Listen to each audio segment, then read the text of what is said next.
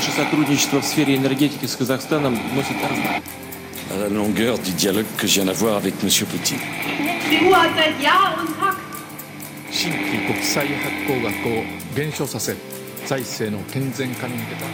Símbolo del fascismo en Sudamérica. मगर मुझे पाकिस्तान जाना है जमहूरियत की जदोजहद Velkommen til dagens aktualitetsepisode av Utenriksmagasinet MIR. Vi skal i dag ha et hovedfokus på Nigeria. Landet har nylig hatt et presidentvalg som har vært omstridt, og i tillegg har hasteinnførelsen av en ny valuta gjort at Afrikas største land og økonomi går tom for penger. Vi skal også snakke om den nye Nord-Irland-avtalen mellom Storbritannia og EU, hvordan solcellepaneler og vindkraft er nødvendig for det grønne skiftet, og hvilke problemstillinger de klimatiltakene står overfor. I tillegg så skal vi snakke om bevisene som har blitt lagt fram av den meksikanske presidenten om at skogalver eksisterer. Med meg i studio for å snakke om alt dette har vi Eirik Eiterheim. Mitt navn er Magnus Nordahl Røthes. Det er fredag 3. mars, og vi kommer straks tilbake.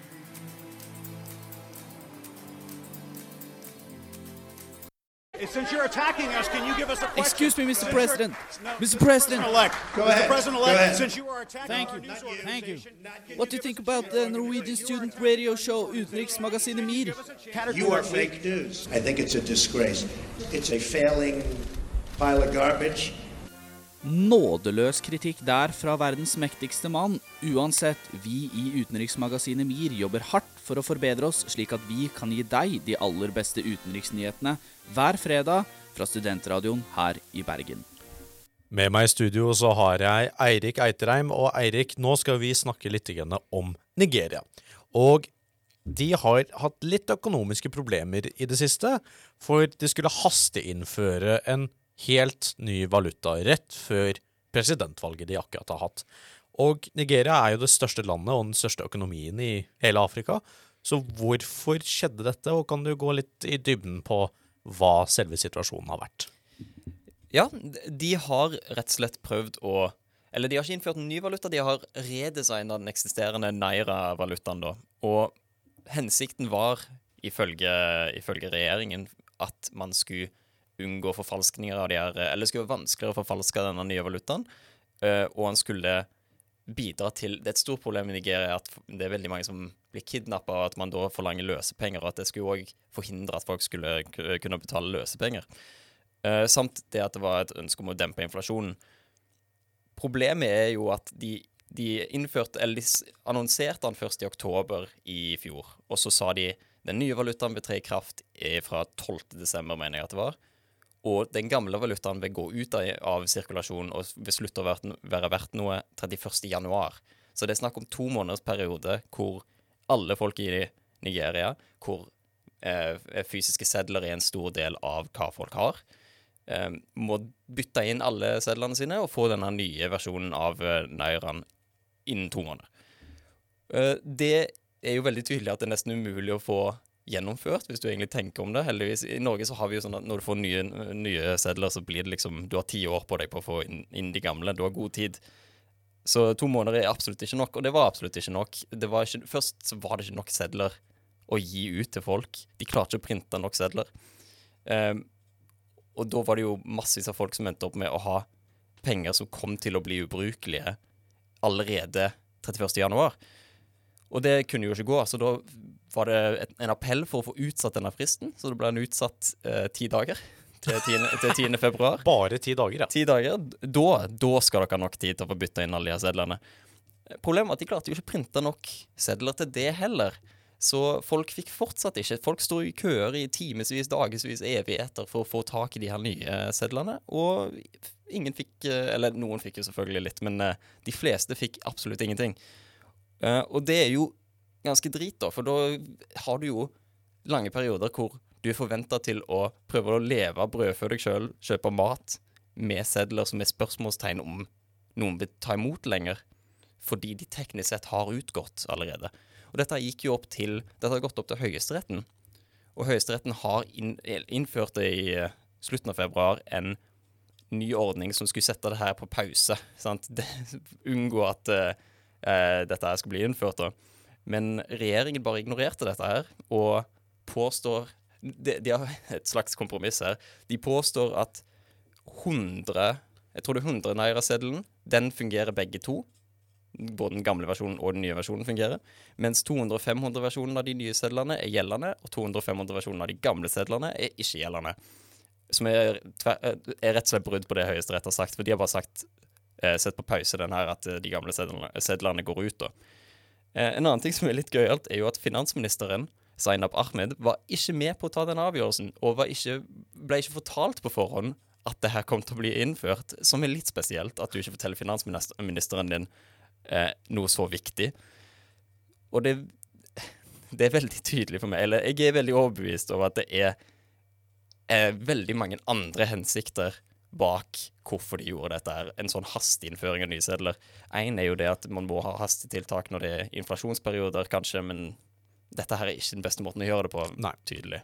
Nei, og det eh, ene her eh, Det viser viktigheten av å ha en uavhengig sentralbank. Eh, og ha en sentralbank som ikke kan la seg styre av, eh, av politikk, eh, eller en regjerings eh, sittende ønske om å plutselig få til noe et eller annet, for monetær politikk, det skal Det må gå over lang tid Ja, å og være ja, forsiktig ja. med. Jeg nevnte kanskje ikke det, men det var bare sentralbanksjefen og presidenten som gikk ut med denne ordningen. Ja. Så det, det er de to som har gjort det. Ja, og jeg, jeg tenker også her Hovmod står for fall. Eh, har man kanskje vært litt vel eh, ambisiøs i egen evne til å Eller tro, troen på egen evne til å faktisk klare å få printet opp nok valuta til et land med 200 millioner innbyggere pluss. Det, som sagt, det er den største økonomien på det afrikanske kontinentet.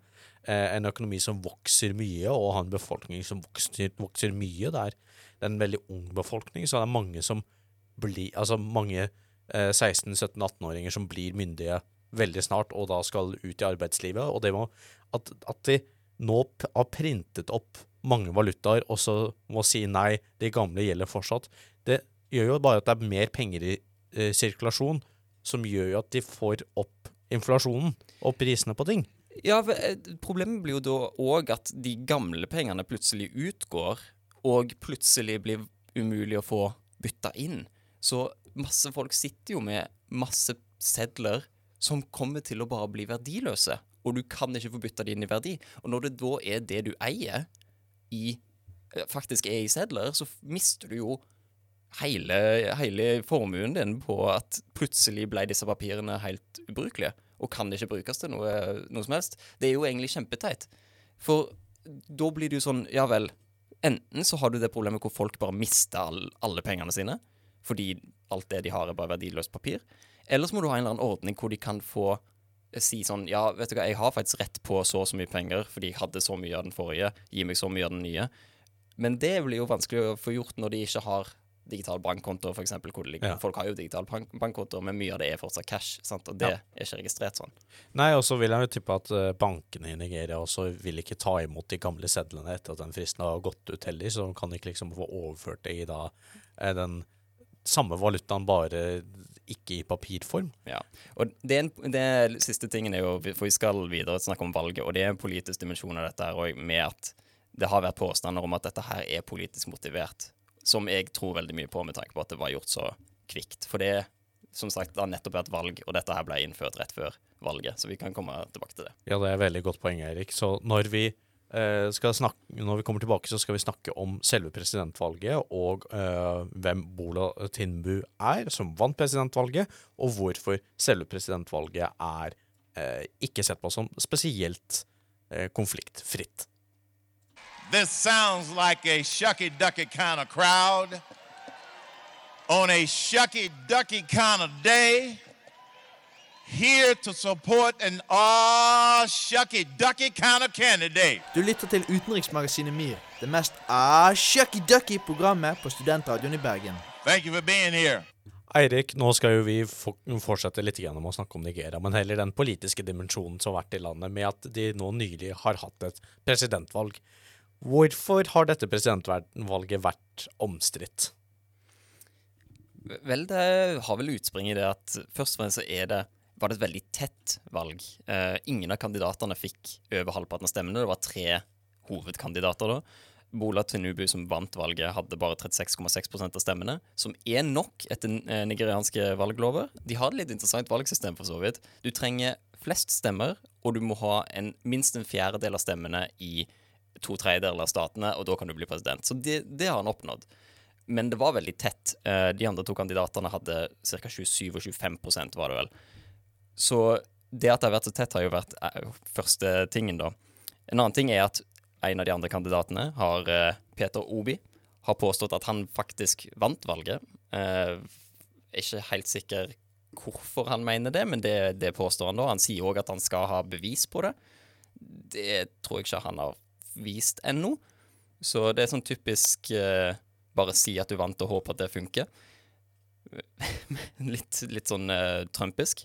Ja, det, det, er det så absolutt. Men uh, det var jo noe med informasjon fra amerikanske utenriksdepartementet som var litt interessant her når, når de uh, altså, gratulerte vinneren av valget. Jo, ja.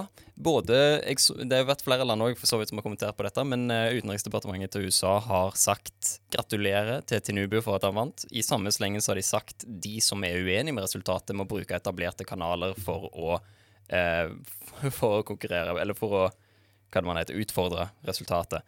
Så det virker som et veldig tydelig hint fra Utenriksdepartementet til USA at det var kanskje noe sketchy på gang her. Så pass på at dere sjekker dette her, på, på en måte. Ja, men det, om jeg ikke tar helt feil, så uh, går jo en sånn utfordring opp i Høyesterett uh, og vil bli avgjort av, av høyesteretts, uh, en høyesterettsdom, da. Litt sånn som Gore versus Bush i 2000 i, i, USA. For det er en del sammenligninger med, man kan gjøre mellom det amerikanske politiske og juridiske systemet og det i Nigeria. Men det vil jo da være samme høyesterett som da den forrige regjeringen valgte å ikke høre på når det gjaldt å innføre ny valuta. Så Eirik, tror du det er noen reell sjanse for at uh, Bola Tinubu uh, kommer til å si sånn Å ja, men Høyesterett sier at jeg egentlig ikke ble valgt som president, jeg går frivillig av med makta. Ja, det, det, er jo én ting, for så vidt, om man, om han, kommer til å høre på dommen. For han, han tilhører jo samme partiet som den tidligere eh, presidenten Mohammedo eh, Hva vet han navnet hans, husker du det? Nei, det husker jeg ikke, dessverre. Ja, Men han, han tilhører samme parti, da. Eh, så det ville ikke sjokkert meg hvis han velger å bare ignorere en høyesterettsdom. Eh, blir kanskje litt tidlig å påstå det, men det er jo òg den andre dimensjonen om retten faktisk Om uavhengigheten til retten, om de faktisk velger eller er litt ekstra anti Tinubu fordi partiet, eller tidligere presidenten for partiet hans, ignorerte deres avgjørelse eller deres eh, eh, kommando. Så det blir jo liksom sånn Har de, har de noe imot han, på en måte? Ja, det, det kan fort være, men uh, det er jo Høyesterettssystemet skal jo være i realiteten uavhengig. Eh, men vi kan jo kanskje se for oss at her har det vært litt sånn problematikk i med liksom hvor lojaliteter tilhører i det nigerianske politiske systemet. Og da kan vi jo trekke dette her tilbake til det vi snakket om eh, på starten av sendingen, om nettopp innførelsen av den nye valutaen. For Bola var ikke, Tinubu var ikke helt fornøyd med innførelsen av den valutaen heller. Jo, Tinubu, Tinubu var det var um, Peter Obi, han ja. som tapte, som uh, påsto at denne valutaen var innført for å hindre hans muligheter for å vinne. Og det, det, er litt interessant, fordi en av påstandene om hvorfor valutaen ble innført, fra, ikke fra regjeringen, men fra som folk har spekulert om, er om det var meint for å forhindre at man kunne kjøpe stemmer. Fordi det er sånn at politikere og andre politiske aktører har samla på sedler, samla på cash, før valget, antageligvis for å kunne kjøpe seg litt støtte. Og Peter Obi har jo da sagt at denne her valutaendringen ble innført delvis for å forhindre at han skulle vinne. Så jeg lurer på om det er han som outer seg sjøl på jeg hadde tenkt å kjøpe masse stemmer her med de her pengene jeg har hoarda. Hvorfor i all verden bytter dere valutaen? Det er hvorfor han egentlig skulle vinne. Han hadde egentlig massevis av uh, industriledere i lomma si.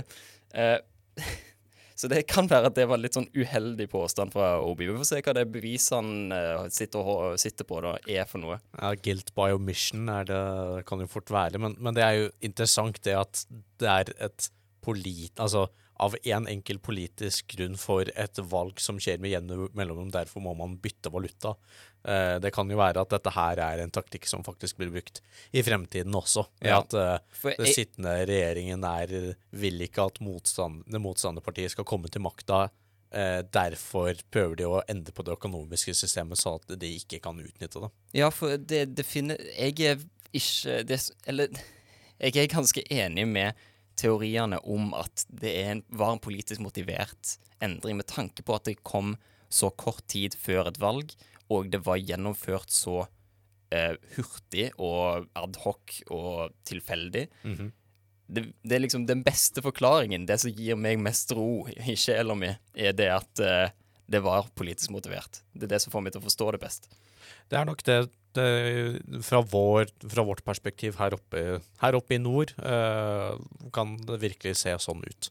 Men vi skal rette blikket mot et land som er mye nærmere oss, nemlig Storbritannia. Og vi skal se på Nord-Irland-avtalen som har blitt inngått mellom Storbritannia og EU. Today I feel uh, Qatari. Today I feel Arab. Today I feel African. Today I feel uh, gay. Today I feel disabled. Today I feel uh, a migrant worker. Uansett hvordan du føler deg, kan du alltid høre på Utenriksmagasinet MIR på Studentradioen i Bergen, eller der du hører podkast. Det er helt riktig, du kan finne oss på der du hører podkast. Men uh, før vi blir ferdig med denne episoden, uh, Eirik, så skal jo vi snakke om Nord-Irland-avtalen.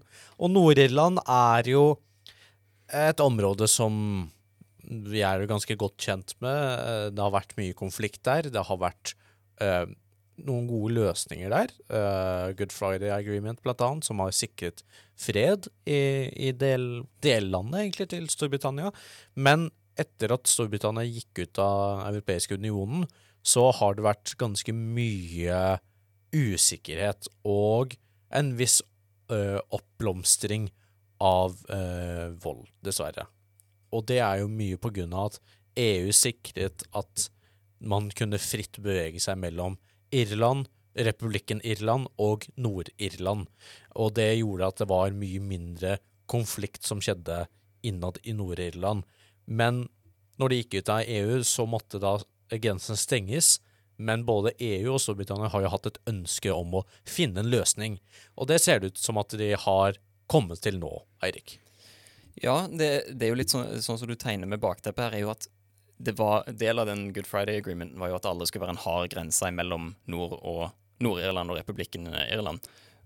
Så det har jo helt siden brexit begynte vært eh, den store, liksom skumle muligheten at hvordan i all verden skal vi unngå en, så, en såkalt hard grense, eller en, en totalgrense med grensevakter og sjekk av varer, som, er, som ville gått imot Good Friday Agreementen, da.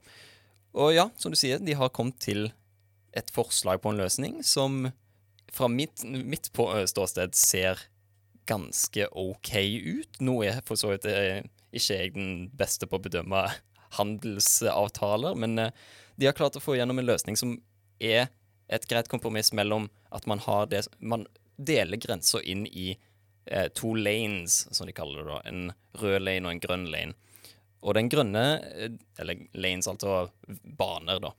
Den grønne banen er varer som skal fra Storbritannia til Nord-Irland, eller fra Nord-Irland til Storbritannia, og som ikke skal selges videre i EU, er De må gjennom veldig mye mindre både eh, dokumentasjon og sjekker enn varer som skal videre til EU gjennom den røde banen. da.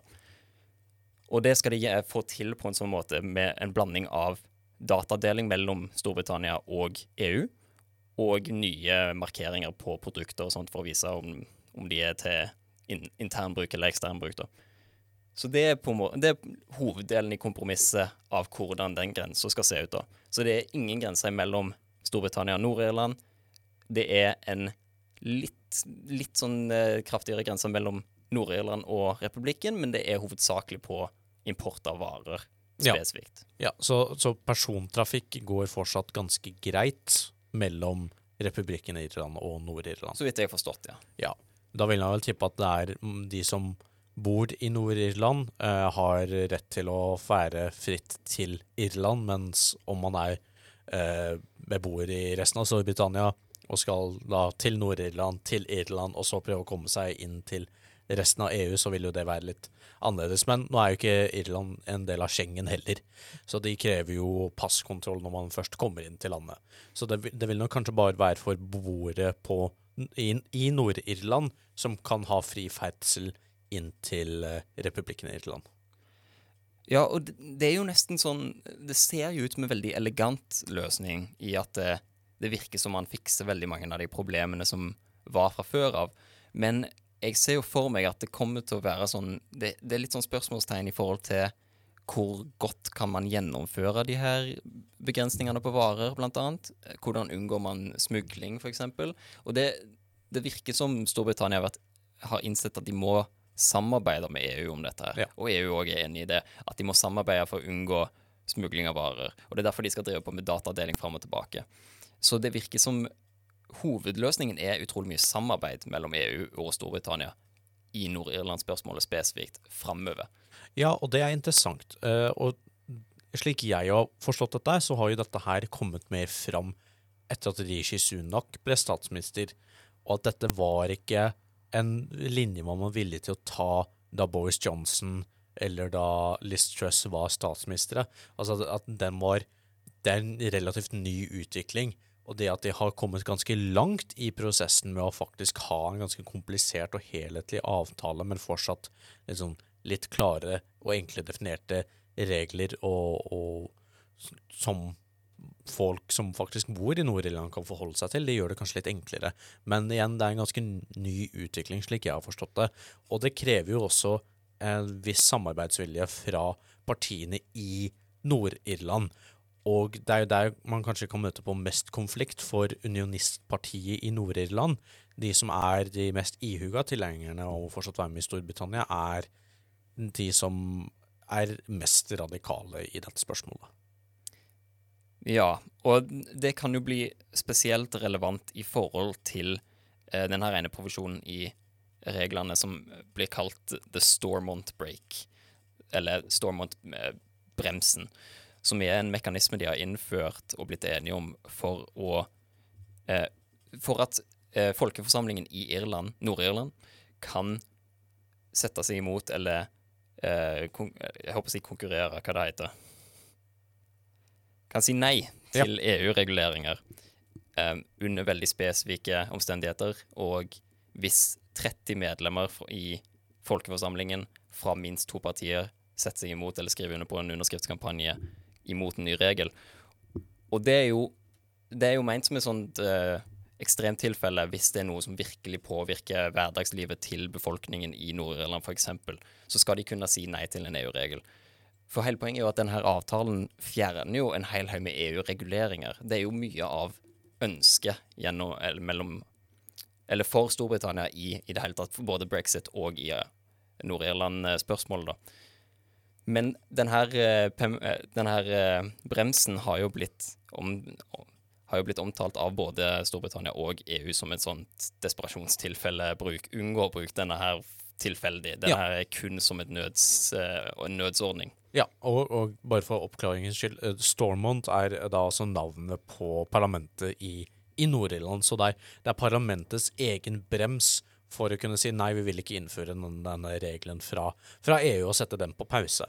Eh, og det gir jo eh, forsamlingen i Nord-Irland litt fleksibilitet, men som prerekvisitt for at de skal kunne bruke den, så må unionistpartiet i Nord-Irland delta i eh, det som heter power sharing institutions i, i parlamentet og i eh, offentlige forvaltningen i Nord-Irland. For det, det som er litt interessant med selve demokratiet i Nord-Irland, slik jeg har forstått det, det er at eh, partiene konkurrerer ikke så mye om hverandre, men skal representere befolkningens interesser. Eh, og de interessene er litt mer fastsatt med at man, man stemmer på personer. Men det krever også en samarbeidsvilje. Unionistpartiet har ikke vært villig til å samarbeide med det eh, siden mai i fjor. Så for å kunne bruke Stormont Break, så må de eh, gå inn i det samarbeidet. Og det krever jo da en vilje til, å, til kompromiss, da, egentlig. Så vilje til kompromiss kan også gi tilgang til det sterkeste verktøyet eh, parlamentet i Nord-Irland har. Ja, og en annen ting om denne eh, bremsen er jo det at den er Den skal ikke avgjøres i, Når saken da tas opp og forhandles om og eh, avgjøres, så skal det ikke gjøres av domstoler fra EU. Det skal gjøres i et samarbeid mellom Storbritannia og EU.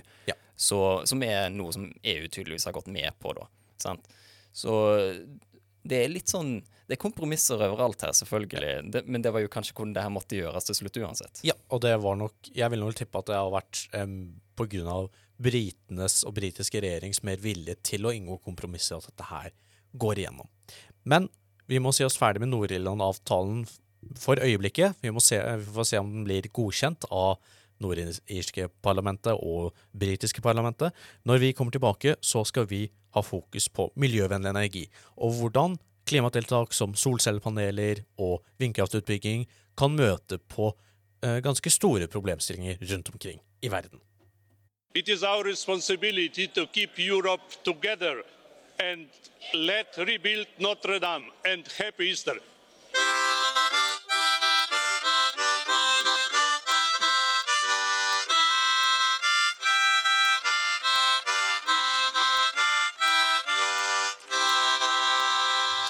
Der hørte du Ode til gleden på munnspill, og det er jo alltids veldig gøy. Men Eirik, nå skal jo vi snakke om hvordan miljøvennlig energi kan skape egne problemstillinger og problematikk i måten å innføre det på.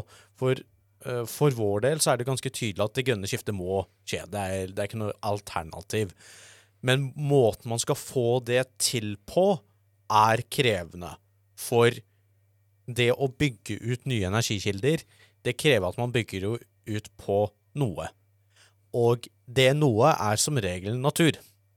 Og det skaper jo en viss problematikk. Eh, og vi har jo hatt denne debatten nå veldig i Norge, eh, som har fått opp, internasjonal oppmerksomhet med, med Fosen, eh, Fosen vindkraftanlegget, som da har, eh, er menneskerettighetsstridig mot eh, samene som bor på Fosenhalvøya, som ikke kan utøve sin kulturrett med å bruke naturen der. Eh, men det er også andre problematikker med, med naturen og å bygge på naturen, i det med at man kan ødelegge lokal eh, natur. Så nå skal vi snakke litt om den problemstillingen hvordan kan man redde kloden uten å ofre natur? Altså hvordan, hvordan, kan vi redde det globale uten å skade det lokale? Og det er en dynamikk som er ganske vanskelig. Men solcellepaneler er jo kanskje den energikilden som er eh, mest universal i at så å si alt på, på, jordkloden får sol på et eller annet tidspunkt, og man kan bruke det til energiutbygging. Studentsenteret her vi, hvor vi holder til, har akkurat fått solcellepaneler, f.eks. Men det er jo et globalt fenomen å kunne bruke solkraft mer.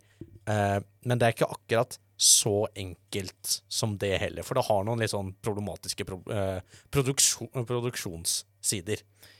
Ja, jeg skal, jeg skal, prøve å unngå Jeg hadde et fag om dette her forrige semester som heter energiomstilling, som var veldig interessant. Og hovedpoenget der var jo at alle de mulige energikildene har fordeler, alle sammen har ulemper. Og en av de er nettopp det du sier med eh, landbruk. Der er jo, som, sol, som du nevnte, solceller utrolig effektive. Med at de ikke trenger å bruke så mye plass. Og de kan bygge plasser hvor det allerede finnes eh, bebyggelser, f.eks. De kan puttes på tak. Ja. Men problemet med solceller er jo det at eh, Nå skal jeg introdusere et begrep. Kapasitetsfaktor. Jeg skal forklare det. Kapasitetsfaktor er målet av hvor mange timer i året, hvilken prosentandel av timer i året, produserer denne teknologien strøm. Så hvor mange timer i året produserer solceller strøm? Jo, det varierer fra land til land, selvfølgelig. I Norge er det mellom jeg tror 10 og 15% av timene i året, som ikke er så veldig mye. Derfor er i Norge solceller et eksempel på noe som er liksom et supplement, men det kommer aldri til å klare å være hele løsningen. Det kommer aldri til å legge nok energi til. Og det er kun tilgjengelig om sommeren, f.eks., når det er mye sol. Så det, det løser ikke vinterproblemene våre. Mens andre deler av jorda hvor det er mye mer sol året rundt, er jo solceller helt fantastiske. Det samme kommer inn når du snakker om vindturbiner. Der har du, På land har du en kapasitetsfaktor, altså de er aktive ca. 20-25 Eller det, unnskyld, det er mindre på, på land. Jeg lurer på om det er 15-20% på land. Og det er jo òg Det er jo bra, men det er ikke bra. Eller ikke bra nok. Men til havs har de rundt 40-60% som er langt mer effektivt. Så nå ble det veldig mye tall her, men poenget er jo at poeng er, teknologiene er utrolig effektive til forskjellige tider og på forskjellige plasser.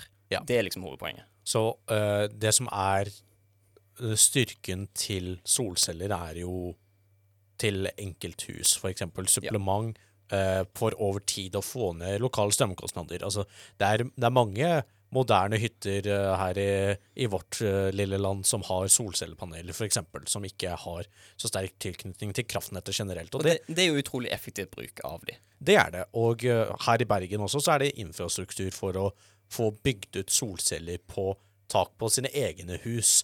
Og de, de blir jo mer energieffektive fordi de klarer å absorbere mer eh, sollys eh, selv når det er overskyet, f.eks., som det jo ofte er i Bergen. Men problemet er jo også at eh, for å produsere solcellepaneler så krever det en viss edle metaller.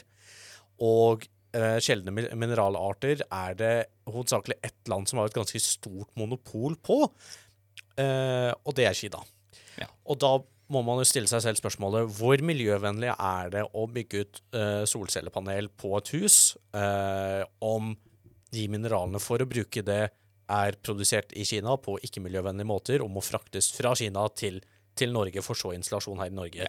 For tra transport med spesielt skip er jo en av de største utslippsfaktorene globa globalt. Eh, men så, så det du sier, ja, Kina er de som har masse gruver for øyeblikket. Men vi vet jo f.eks. at Norge har potensial for gruver. Sant? Det har vært funn av masse sånne edle metaller i Egersund-området, annet. Men da blir jo spørsmålet skal vi begynne å bygge digre gruver. Da blir det jo klima mot natur-spørsmål igjen. Skal vi bygge ut en diger gruve? Gruver kommer aldri til å være særlig miljøvennlige. Nei. Så det er alltid det spørsmålet er hvor mye Eller er det verdt det? Sant? Ja. ja, og for å få gjort noe som helst, så virker det som at man må være villig til å ofre noe. Det, det finnes ingen sånn mirakelløsning for å Som bare man kan implementere, og så går det helt fritt for seg. Det er kanskje eh, det som er minst skadelig, og som er mest effektivt, er jo som du nevnte, vindkraft til havs, som får ganske mye konstant energi. Og da er vindturbinene aktive lengre, eh, eller om, om gangen, da. Og det, da er kanskje det eneste problemet der å transportere den strømmen fra langt ut i Norskehavet, eksempel, eller Atlanterhavet, og inn til et land. Men eh, Tyskland, Danmark og England har jo alle, eller Storbritannia har jo alle begynt nå veldig mye med vindkraftutbygging til havs, selv om det er ganske grunt vann. Det er litt annerledes her i Norge, som, hvor det blir ganske dypt utover i Norskehavet, men det, er, det viser at det er en mulighet for det. Ja, Eh, og så, så finnes det jo òg Norge har jo òg teknologien med flytende vindkraft, sant? som er en teknologi som gjør at vindkraft blir mye mer mulig å bruke i andre plasser i verden òg, Ja. som har dypere havgrunn. Det, er absolutt. Og det som er interessant med den energiproduksjonen, er jo at for Norges sin del så fungerer det som et supplement til vannkraften. Vi har ikke hatt behov for å erstatte kullkraft eller eh, dieselforbrenningsfabrikker, altså for å generere strøm. Eh, det har man måttet gjøre i andre land. Danmark eksempel. De baserte seg veldig mye på kullkraft. De gjør det fortsatt en del, men nå er vindkraft den største produsenten av energi der. I Sverige så har man brukt atomkraft eksempel. Men i ganske mange utviklingsland består befolkning med ganske lavt klimaavtrykk per person, men totalt så er det ganske stort. Da er spørsmålet kan eh, vindkraft og solkraft være gode nok alternativer til å produsere stabil nok energi i de områdene? Og svaret på det kan være ja, men svaret på det kan jo også være nei, og at det samtidig vil skade for mye av selve naturen. Men problemet med dette her, Eirik, er at dette her er hypoteser og problemstillinger som vi kan drøfte mye om, men vi går dessverre litt tom for tid nå. Når vi kommer tilbake, så skal vi snakke litt om hva den meksikanske presidenten har delt på i, eh, i presseforsamlinger og på Twitter. Every day, well, every day I think about Al Qaeda. Every day I think about protecting this country. I mean, every day, except for Sunday. I motsetning til president Bush tenker vi i utenriksmagasinet MIR på utenrikssaker hver eneste dag i uken, også på søndager. Hør på ferske utenriksanalyser direkte fredag mellom 11 og 12, eller repriser søndager mellom ett og to. Eirik, nå nærmer vi oss slutten for dagens sending, og vi velger å avslutte på en eh, litt eh, lystigere tone enn det vi begynte med. For den meksikanske presidenten eh, Andres Manuel Lopez Orbrado, eh, også kjent som Almo, har påstått at han har bildebevis på det han beskriver som eh, eh, en mystisk alv som da eksisterer i, i Mexico. Hvorfor har den meksikanske presidenten valgt å dele dette her, Eirik? Det er vanskelig å si. Eh, vesenet heter på meksikansk Eller i Mexico heter det en alux, eller en aluxe, eh, som er noe som minner om en slags eh, alv eller leprekonaktig eh, vesen i meksikansk eh, mytologi og eh, folketro. Jeg syns dette er veldig morsomt, for det er liksom Han bare tweeta ut et bilde av noe som ser ut som noen øyne og noe hår eller noe, som sitter i et tre i mørket, og sa at dette her er en sånn en, da. Dette er en alv. OK. Greit. Vet ikke helt hva vi skal gjøre med det. Og det, noe, noe morsomt jeg òg ser, er jo at det her bildet er antageligvis noe som har bare vært rundt på nettet lenge, i mange år. At det egentlig Det er ikke han som har tatt bildet. Nei. Det er bare et bilde som allerede har eksistert. Ja, så han har bare, har bare funnet bildet og sier 'her, her har vi bevis'. Ja. Og det jeg ser nå som Nå nå blir det litt spekulasjon for min del, men det jeg ser, er at dette her skjer noen dager før en lov ble innført i Mexico. En lovendring som begrenser eh, hvor mye penger som blir brukt på eh, på valgovervåkingsetaten i Mexico. Så For, Forklar hvordan dette her henger sammen, Eirik. Så dette her blir kanskje, igjen jeg spekulerer litt, men om det er meint som en sneaky distraksjonsmanøver, hvor man eh, tweeter ut et bilde av en alv, alle sammen følger med på det, og samme slengen så innfører du en lov som definitivt kommer til å være kontroversiell. Igjen, det er litt spekulasjon, men dette her er ikke en ukjent taktikk, så Nei. skal ikke se vekk ifra at det er en mulighet. Eh, han påstår jo da, AMLO påstår jo at denne lovendringen ikke er meint for å sikre at han skal vinne valget neste gang, som er neste år. Men eh, protestanter har kommet ut i gaten og sagt at det er hva han prøver å gjøre, sikre seg makten, med et alvebilde. Eh, ja.